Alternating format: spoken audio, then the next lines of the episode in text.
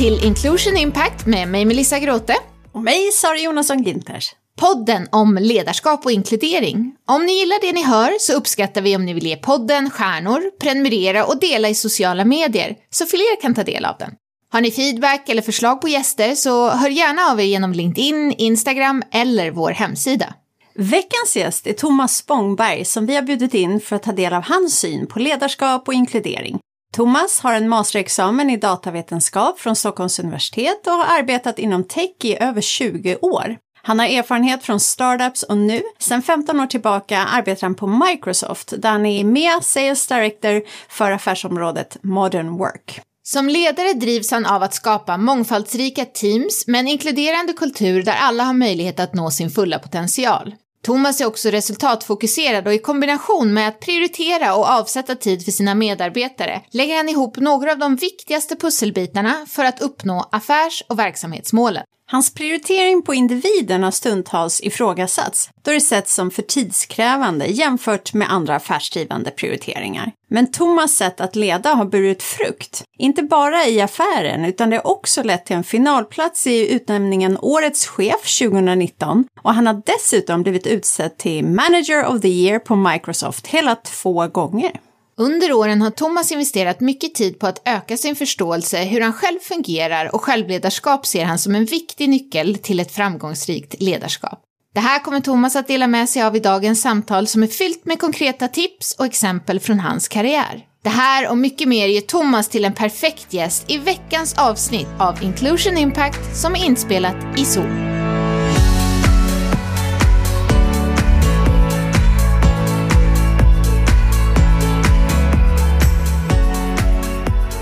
Thomas och välkommen till Inclusion Impact. Jättekul att ha dig här idag.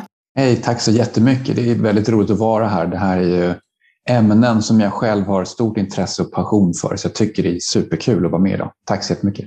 Vi är alltid nyfikna på att lära känna våra gäster lite mer och brukar alltid börja de här intervjuerna med att fråga om du har haft någon särskild höjdpunkt under veckan. Nu är det förvisso bara onsdag förmiddag, men har, har du upplevt någon höjdpunkt hittills i veckan? För mig är det lite här vad vi kallar en review-vecka på Microsoft. Så jag har ganska mycket så business review, vilket kanske inte är det som jag tycker är absolut roligast. Så jag skulle vilja säga att jag tror att det här blir nog höjdpunkten på veckan för mig. Mm, grymt. Det hoppas vi också. Kul! Vi kommer ju prata mer om ledarskap och inkludering, vilket är liksom huvudtemat i den här podden. Men skulle du kunna börja med att berätta vad du gör idag och eh, lite kort din resa fram tills hit där du är idag? Jag jobbar på Microsoft idag då, som vi kallar för säljdirektör inom Europa inom ett område som vi kallar för Modern Work och där är en del av ledningsgruppen då för EMEA inom det här affärsområdet. Jag har varit på Microsoft nu i snart 15 år, så det är ganska lång tid. Jag har haft möjligheten och förmånen att gjort väldigt många olika roller. Började lokalt i Sverige på Microsoft och jobbat som säljare och account manager och sen då haft flera olika chefs och ledarroller, både lokalt och sen då framförallt internationellt de senaste tio åren. Och jag tror att där, det, det som jag haft är att jag har haft ganska, varit ganska tydlig i vad jag vill göra i min karriär inom Microsoft och haft då förmånen att fått olika roller och så vidare. Och jag tror att det som har kom, lett till det ena och det andra, det har varit lite mer tillfälligheter, men jag tror att jag uppfattas också som ganska ödmjuk och genuin. Jag tror att jag har haft ganska stor nytta av det också i och med att man har fått de här olika chanserna. Så att det är vad jag gör då. När har du roligast på jobbet? Framförallt för mig är det när jag är med mitt direkta team och eh, inom, för jag, jobbar inom försäljning så kan det till exempel vara att en, en affär jag har jobbat på ganska länge inom teamet och det kan ju vara upp till ett eller mer än ett år och sen så kanske vi lyckas stänga den här då på sikt eh, eller lyckas stänga den och det är ju någonting som är kul. Så framförallt att jobba nära med sitt eget team och coacha dem och stödja dem, det tycker jag är absolut roligast. Fram till idag så har du haft en jättespännande karriär och jättespännande resa. Om du blickar framåt, vad skulle du vara intresserad av att eh, lära dig mer om då?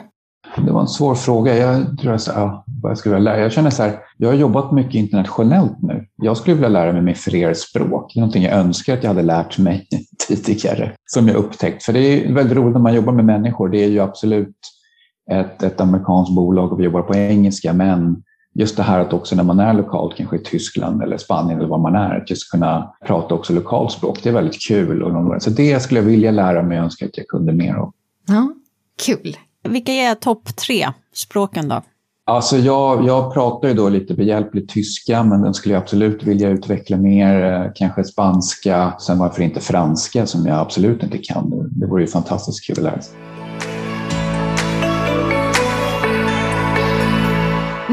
Tänkte vi börja prata om ledarskap, för det är ju den ena halvan av fokusområdena för den här podden. Och eh, hur skulle du beskriva ditt ledarskap? Jag skulle nog beskriva det som att jag är väl vad man kallar liksom en people manager, det vill säga att jag lägger mycket tid på teamet och på individerna.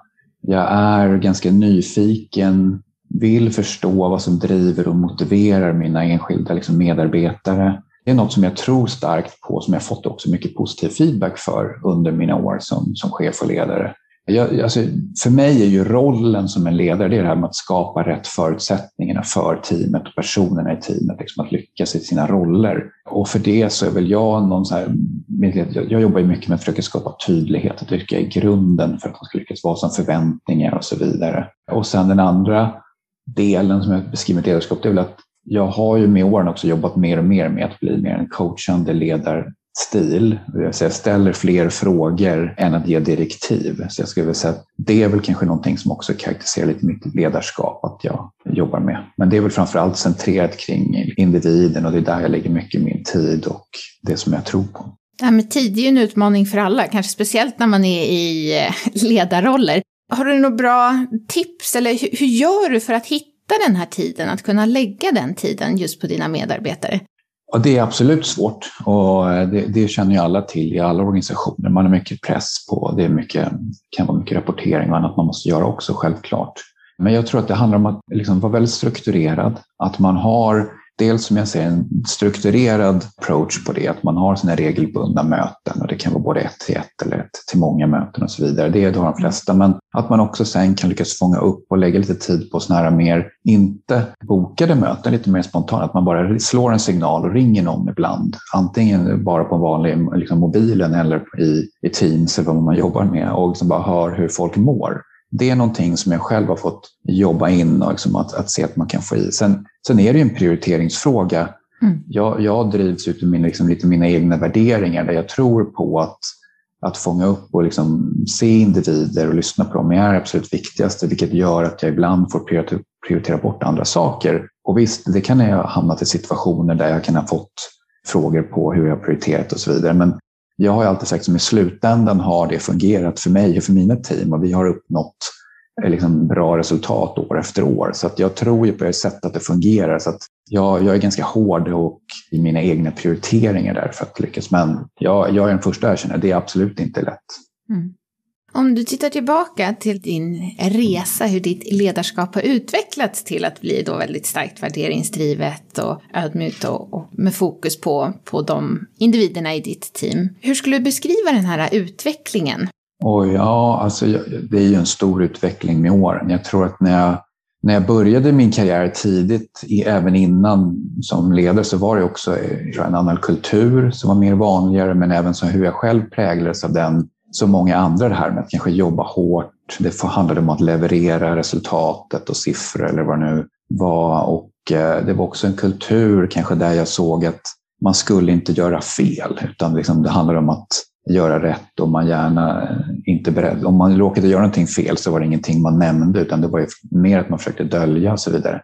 Sen under åren så har jag själv haft förmånen att jobba mycket med självledarskap, har gått mycket såna utvecklings kurser, lärt sig mycket om eh, olika personlighetstyper och så vidare. Men jag tror just det här med att först förstå sig själv och kunna leda sig själv innan man tar på sig att leda andra är någonting som har utvecklat mig väldigt mycket i mitt ledarskap också. Att hur man verkligen förstår hur människor fungerar.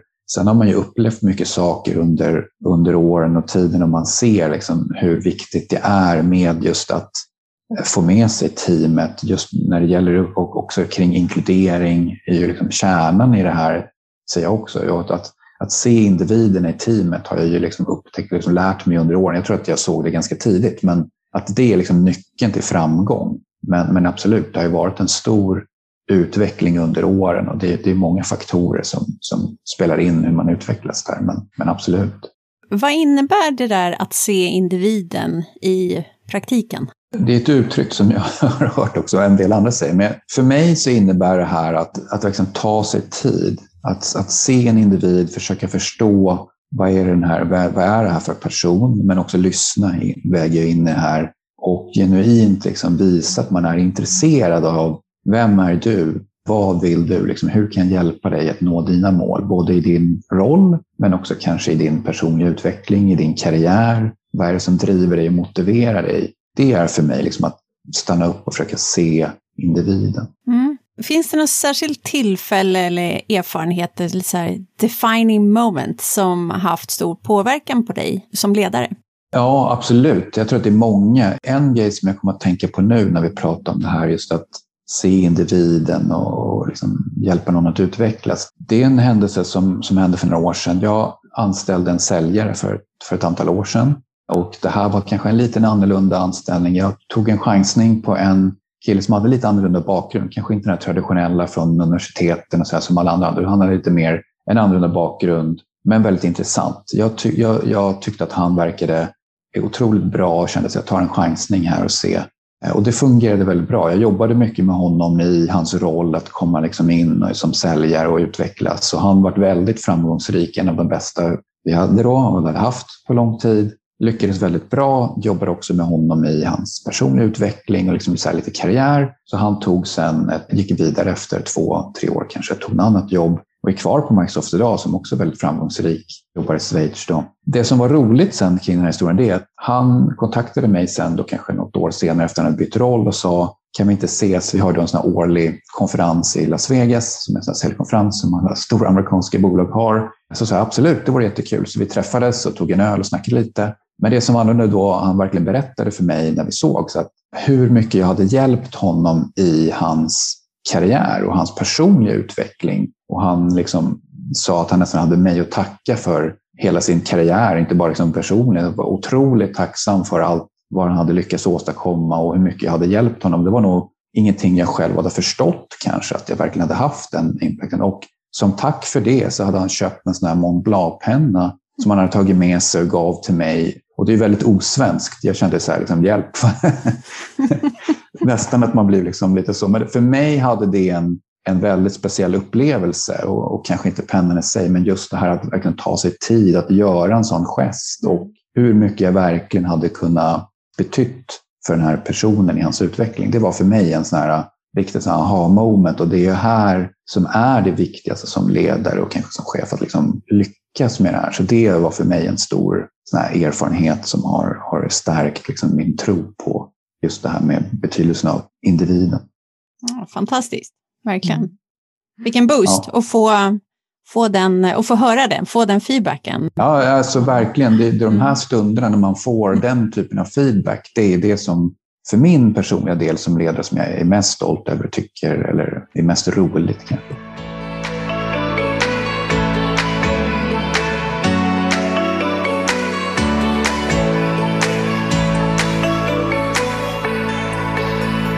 pratade tidigare om det här med i början av din karriär, att det var lite mer oaccepterat att göra misstag. Men misstag är någonting som, som alla gör. Så att antingen om du tänker tillbaka till då tidigt i din karriär, tänker jag, när det kanske var mindre accepterat att göra misstag. Vad du gjorde för misstag då, men, men har tagit med dig och lärt dig av det. Eller om det är någonting som kanske ligger närmare i tid, där du känner att du har fått dra nytta och lärt dig från någon viktig händelse? Absolut, alltså misstag är ju någonting man fortsätter att göra. Det gör jag ju kontinuerligt nu också. Jag tror att den stora skillnaden är som du säger att nu är jag ju mycket mer reflekterande och det är okej. Okay. Man liksom försöker verkligen lära sig av misstagen och vad, vad är det man har gjort fel och så vidare.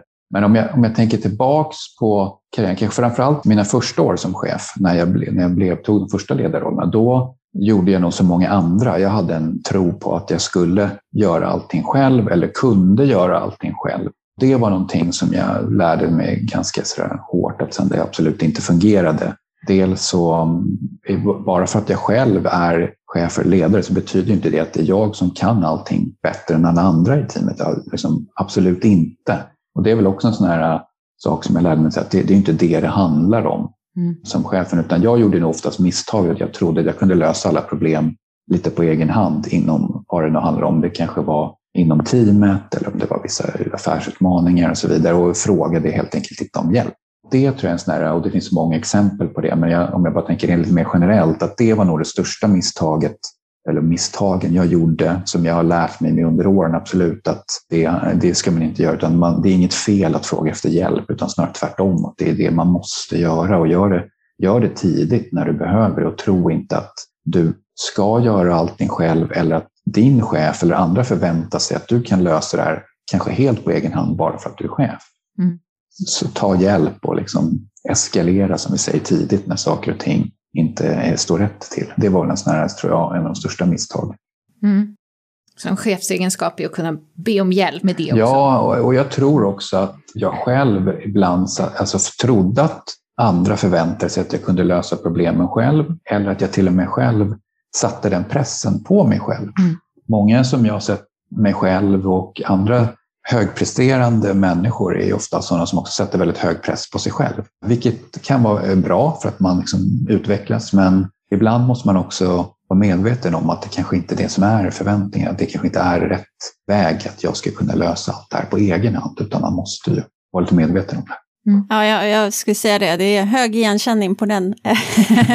och det är väl det där med många som är prestationsinriktade och eh, no, liksom mänskligt att, eh, att vi vill klara oss själva, eller kulturellt kanske också, men och så är det väl en sån här koppling till sårbarhet också, att, att be om hjälp eller att säga att man inte kan, eh, då måste man också, då måste man visa sig sårbar på något sätt, som är jättesvårt ju många gånger. Så tänker jag också att eh, när man tar steget från att vara då mer individual contributor ansvaret i den rollen kontra ansvaret i, i, en ledarroll, att man då är mycket mer van vid att kunna prestera i det man gör, men att det krävs en annan approach, ett annat, ett annat tillvägagångssätt. Ja, absolut. Ett vanligt misstag där också som jag gjorde, och även till viss del, det är ju också att förstå det här att det handlar ju då inte längre om mig själv som ledare, utan det handlar ju om, om teamet och hur, återigen det vi pratade om i början här, hur ser jag till att skapa rätt förutsättningar för teamet att lyckas. Och att göra det kanske inte handlar om att jag ska instruera dem i varenda del i det de ska göra, utan de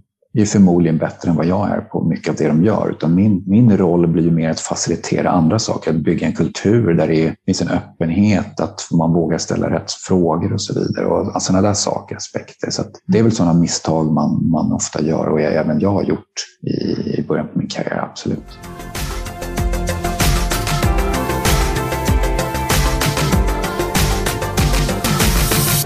Nu har vi kommit fram till våra fem snabba frågor med fem snabba svar. Vad är du stoltast över i ditt ledarskap? Jag har haft många affärsmässiga framgångar, men jag tror ändå att det jag är mest stolt över är när jag fick högsta betyg i Europa som, som chef för vår medarbetarundersökning. Jag tror det var 2017. Det är en sån höjdpunkt i min karriär. Ja, coolt. Vad tycker du är det svåraste med att leda?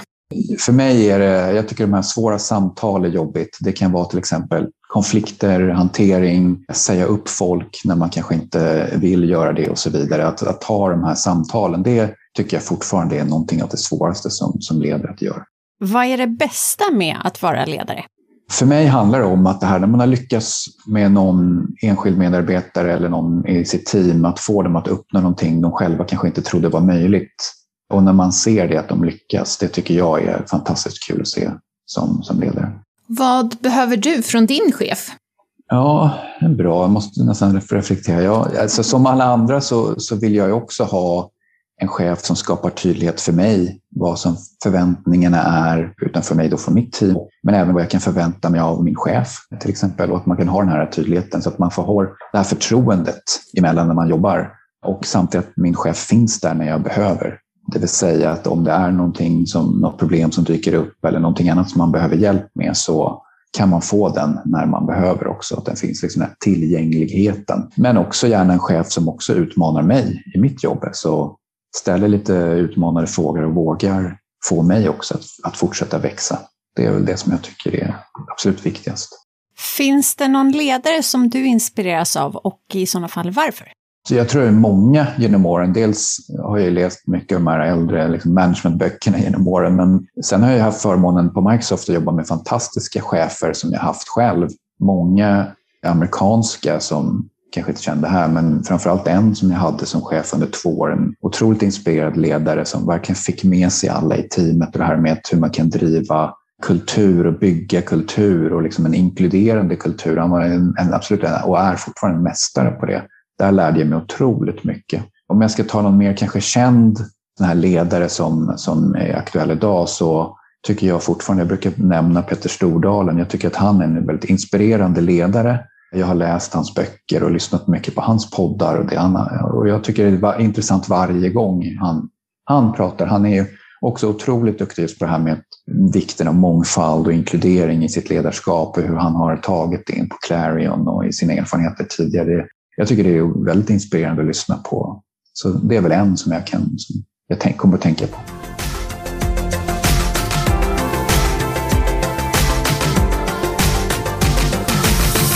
Nu är det dags att kliva in i nästa del av podden. Vi har pratat en del om ledarskap, så nu kommer vi fokusera mer på inkludering. Så om vi börjar i änden med att fråga dig, vad är inkludering för dig? Alltså om jag kopplar inkludering som jag ser det till, till min roll, med hur jag är och i mitt ledarskap, så tycker jag att det, det är en nyckelfaktor i ledarskapet. Det handlar ju om att få då sitt team och sin organisation och att få alla att känna som man är en del av teamet. Och som ledare då för mig att skapa den här inkluderingen, det handlar om att dels tycker jag det här skapas, man brukar säga som ett safe environment, alltså en kultur där det är okej okay för alla i teamet att man känner att man vågar ställa frågor, att man känner att man vågar föra fram sin åsikt, vad den nu än är, och att man kan få, få liksom fånga upp de perspektiven då. För har man inte det, jag tycker det är det viktigaste, grunden i det här med inkludering, har man inte den kulturen eller i sitt team eller sin organisation, så kommer man inte heller ha en inkluderande organisation. Det måste finnas den där grunden. Det är den ena. Sen tänker jag då att som, som ledare handlar det också sen då hur, hur man gör också dessutom sen bygger den här kulturen, men att man också är med och fångar upp enskilda medarbetare och ser till hur man uppträder och så där i möten. Men jag kommer också att tänka på det här liksom att jag vet ju själv hur det kan kännas om man inte är inkluderad, om man säger att man liksom är exkluderad det leder ju till att man känner sig kanske inte respekterad, att man inte litar på sina medarbetare eller inte vill samarbeta hela tiden. Det är ju det är ingen rolig känsla. Så för mig så handlar det om att liksom driva en inkluderande kultur. Jag tycker liksom det, är, det är grunden för att kunna bygga ett, vad jag ser som ett högpresterande team. Det är liksom att ha en inkluderande kultur är grunden för att få bra samarbete i teamet. Sen tycker jag att det, att hur det här kan ta sig sen i uttryck, det handlar ju om att då få med sig alla att liksom, som ledare handlar det om hur man uppträder, hur man driver möten, hur man informerar, hur öppen vem man är mot alla och så vidare. Och jag, jag tror att de flesta är det, men jag tror att det finns kanske många ledare som omedvetet exkluderar utan att tänka på det. Och det kan ha något att göra med det här att man kanske inte tänker på att om man har ett möte och sen har man kanske en viss grupp av människor som är väldigt duktiga på att föra fram sina åsikter. Och de hörs och syns mycket. Medan andra kanske är lite mer försiktiga. Och är, då har man en stor roll som ledare att se till också att den andra, de här alla är med och att man ser till att de också får chans att ställa fram sina synpunkter eller frågor eller vad det nu är. Så att, som ledare har man en stor roll i att dels bygga kulturen men också rent praktiskt det man gör på daglig basis i möten i, med människor, i hur man skriver mejl kanske, eller hur som helst, att man verkligen tänker på också att man är inkluderande. Mm. Och eh, kopplat till det då, och rollen som ledare i att bygga den typ av miljö, för som du säger, det, det är nog många som kanske känner att de är inkluderande och att i, i, i, min grupp får visst alla komma till tals och så, men precis som du poängterar så det, kan det ju ofta vara så att vissa hörs mer än andra. Hur har du kommit till den medvetenheten? För det handlar ju om det, just att få en medvetenhet och, och se det där. Hur har, du, hur har du kommit fram till de insikterna och den medvetenheten, att se och, och se de där liksom, nyanserna i gruppen och lyfta fram de som kanske inte hörs på samma sätt? Jag tror att det går tillbaka till det vi pratade lite om också i ledarskap, där just med att förstå dels olika människor och personligheter och att inte alla är lika.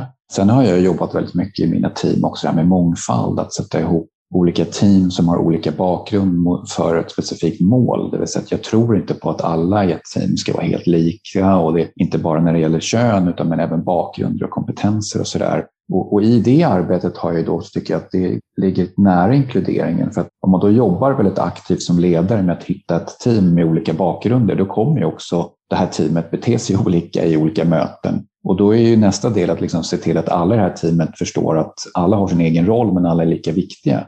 Och då driva en, en inkluderande kultur där alla också får chansen att vara med. Och, så för mig har, jag, har det där tycker jag hör ihop och det är någonting som jag tror jag har förstått mer och mer under åren. Att liksom, när, man, när jag pratar mycket om att man lyssnar på individen, men det handlar också mycket om hur de här individerna jobbar i grupp. Det är inte bara enskilda individer, utan vi ska ju samarbeta i ett team för att nå vårt mål och då, då kommer de här aspekterna in som jag ser som liksom grundstenarna nästan i, i ledarskapet.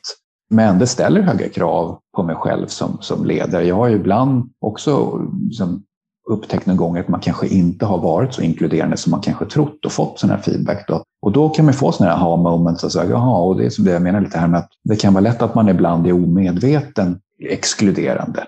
Att man kanske glömde ställa en fråga till någon för mig har jag börjat jobba med att jag också verkligen tänker på det. Att jag försöker tänka på det i medvetenhet på daglig basis i hur jag uppträder, vad jag gör och sådär. Sen kommer det väl lite med, med tiden. Men framförallt när man leder möten tycker jag är en sån här konkret exempel. Att man har med sig det där lite. Att okej, okay, hur man öppnar ett möte, hur man stänger det.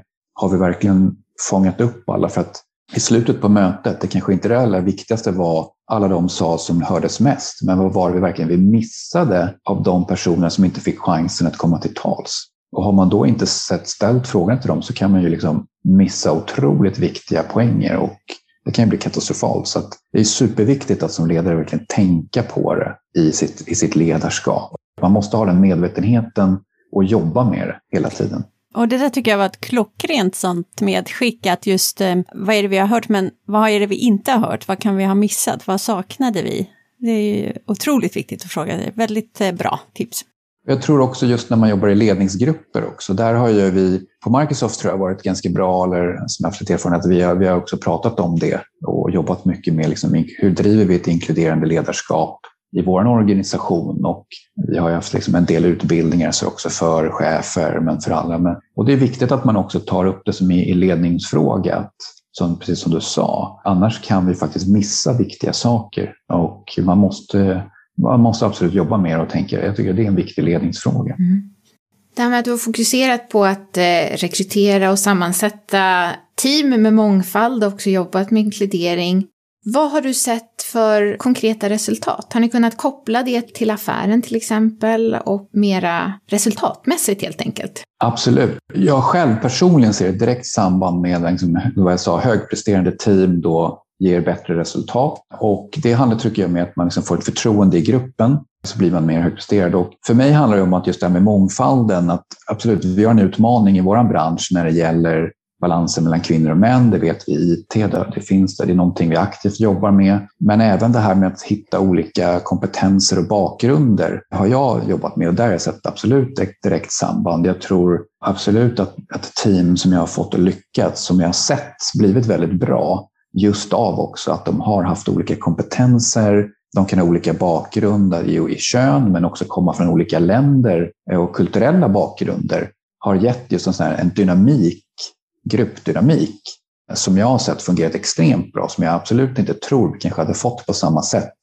om alla hade varit exakt lika och kommit från samma universitet i samma land och haft samma kön etc. Utan där är jag helt övertygad om att hitta den här dynamiken utefter liksom vad gruppen är sammansatt för att göra. måste man också titta på. Vad är målet? Och alla grupper där, det är ju inte helt lika kanske i alla organisationer hur, man ska göra och så vidare. Mm. Jag kan säga så här, jag har inte fått något team att prestera bra om man inte har känt att alla, alla känt i teamet att de är med, att alla har samma värde i gruppen, att alla kan uttrycka sina åsikter ha, på, på lätt och ha samma tillgänglighet till information och, och vad det nu är. Mm. Och det är, liksom, det är också så, det är, det är, absolut för att bygga det här förtroendet i teamen så är det viktigt. Och jag har ju sett erfarenheter också av hur exkludering kan fungera. Det vill säga när jag har sett exempel på hur man kanske i andra grupper och så där, har exkluderat eller hur individer har känt sig när de känner sig exkluderade. Det skapar ju absolut kan skapa dålig moral, dålig stämning, samarbetet fungerar inte som det ska och det blir en direkt följd på att resultatet inte blir som förväntas heller. Så jag tycker att det finns en konkret koppling där, absolut. Det, det är min erfarenhet. Och det här med att mäta just det, det diskuteras ju en del ifall man kan mäta inkludering och eh, du pratar ju om att prestationen ökar och därmed eh, påverkar det resultaten i, i, gruppen också. Hur är det, mäter ni också till exempel då eh, medarbetare engagemang och det här med upplevelsen av inkludering som du var inne på. Kan man mäta det och kan man följa upp på det på olika sätt för att förbättra eller utveckla? Alltså jag tycker det är bra frågor. Det där är någonting som vi har jobbat med mycket också. Det är, det är lite svårt hur man mäter, men absolut. Vi jobbar väldigt mycket med att mäta genom olika medarbetarundersökningar eller utvärderingar i alla dess former. Där just det här med inkludering kommer in också. För att vi, vi vill ju mäta och utvärdera hur väl presterar teamen hur mår medarbetarna och, och så traditionella medarbetarundersökningar. Och där kan man givetvis ställa frågor till medarbetare hur de upplever inkludering. Det är väl ett sätt man kan mäta det på. Det kanske finns andra bra sätt, men jag, jag vet inte. Alltså, jag tycker det är en svår fråga. Men, men på det sättet kan vi i alla fall mäta, tycker jag, och se att har man en upplevt bra att folk känner sig inkluderade och inte exkluderade. Har man att folk samtidigt att medarbetarna känner att det är ett bra team, att man har förtroende i sin grupp, förtroende för sin chef, så tycker jag att man kan se en korrelation med att det här hör ihop. Om man inte medarbetarna uttrycker att de känner sig inkluderade så kommer man förmodligen inte ha ett uttryck för att de tycker att de har förtroende i sin grupp eller för sin chef. Och sen kan man absolut ställa det där och se en korrelation till olika resultat på olika team. Mm. Och där har vi direkt sett att team som är högpresterande har en hög poäng i de här undersökningarna vad det gäller inkludering, förtroende för sin chef, för sin grupp och så vidare. Mot att team som inte har samma höga score också presterar sämre. Så där tycker jag man har bevis. Sen så kan jag hålla med, jag förstår att det kanske inte alltid matematiskt lätt att mäta en direkt korrelation mellan inkludering och resultat. Med eh, många års erfarenhet inom tech, nästan 15 år på Microsoft och både internationella roller och mer lokala roller här. Om vi tittar på techbranschen, är det någonting specifikt som du tycker utmärker techbranschen som gör att det är extra svårt att adressera inkludering? Men kanske också vilka möjligheter det finns inom tech som gör att, att tech ligger lite i framkant och att det finns lite mer easy win på inkluderingshållet inom tech. Ja, alltså det, var, det är en stor fråga från många aspekter. Mm. Ehm, just när jag alltså inkludering. Alltså, när det gäller mångfald och så, som jag sa, där, där har vi absolut utmaningen med balansen mellan män och kvinnor. Det, det är ett känt någonting vi har jobbat med i många år. Men när det gäller inkludering så tycker jag, jag vet inte om det är ett liksom tech, men amerikanska bolag är väldigt bra på att kanske ligga i framkant, att lyfta frågorna, upplever jag. Mm. Och just på det som du var inne på också, det här hur man mäter och utvärderar olika aspekter i en organisation som inkludering, medarbetarnöjdhet och så vidare. Att man gör det väldigt frekvent och på ett bra sätt. Och, det kommer ju mer och mer också. Men där tycker jag att, att, att tech och branschen nog ligger ganska långt fram faktiskt. Det tror jag. Sen så tänker jag mer att en annan aspekt på det här inom tech, det är ju att nu har vi alla varit med om, är med om den här pandemin och många jobbar hemifrån. Så remote working och alla pratar om the hybrid workplace och sådär. Och där tycker jag att inkludering får en ny aspekt och det här tror jag att tech ligger ganska långt fram. Jag har ju själv jobbat, om man kallar det en hybridmodell, där jag har jobbat mycket hemifrån eller rest mycket under åren, haft team som har varit distribuerade. Under de senaste tio åren så har jag haft någon form av distribuerade team som sitter i olika länder, vilket gör att mycket av de här mötena och arbetet man gör är också på distans. Och det kan vara via olika Teams eller Zoom eller något sånt där. Och där ställer det ännu högre krav på hur man driver inkluderande möten, videomöten, när man kanske inte ser eller har sett alla. Jag tycker att det blir en bättre möteskultur när man kör med video på. Det är svårare om man inte alla har video till exempel. Då har, man inte det visuella, då har man bara ljudet att gå på. Men just att fånga upp allas åsikter, hur folk känner sig, hur folk mår och så där är ju betydligt svårare då. Men där tror jag finns mycket att lära från techbranschen. Vi, vi har mycket erfarenhet i de här områdena och har, har, har gjort det här under många år. Så det är någonting jag kommer att tänka på som kan göra att där kan det bli svårare. Men, men självklart, det är inte bara för tech längre utan nu är ju alla organisationer håller på att ställa om till det här. Så det är någonting som jag tror man måste lyfta i organisationen sen också. Att har vi lyft det här med våra chefer, för det är en viktig grupp, ju mellancheferna, att just den här frågan känner sig alla trygga i hur man driver bra och inkluderande möten online och så vidare. Det ser jag i min egen erfarenhet att jag får mer frågor om också när vi jobbar kring de här typen av tekniker och, och remote work och så vidare. Mm. Vad är ditt bästa tips vad gäller att leda på distans? Att ha en, alltså när du leder på distans tycker jag man behöver ännu mer kopplingar med just det här som jag var från början. Se individen och så lyssna. När, för att du missar de här äh, naturliga mötena. Om det är lunchen eller kaffet, fikan, afterworken eller vad det är. Som du kanske har när, när du har hela din, ditt team eller din, din organisation i samma kontor.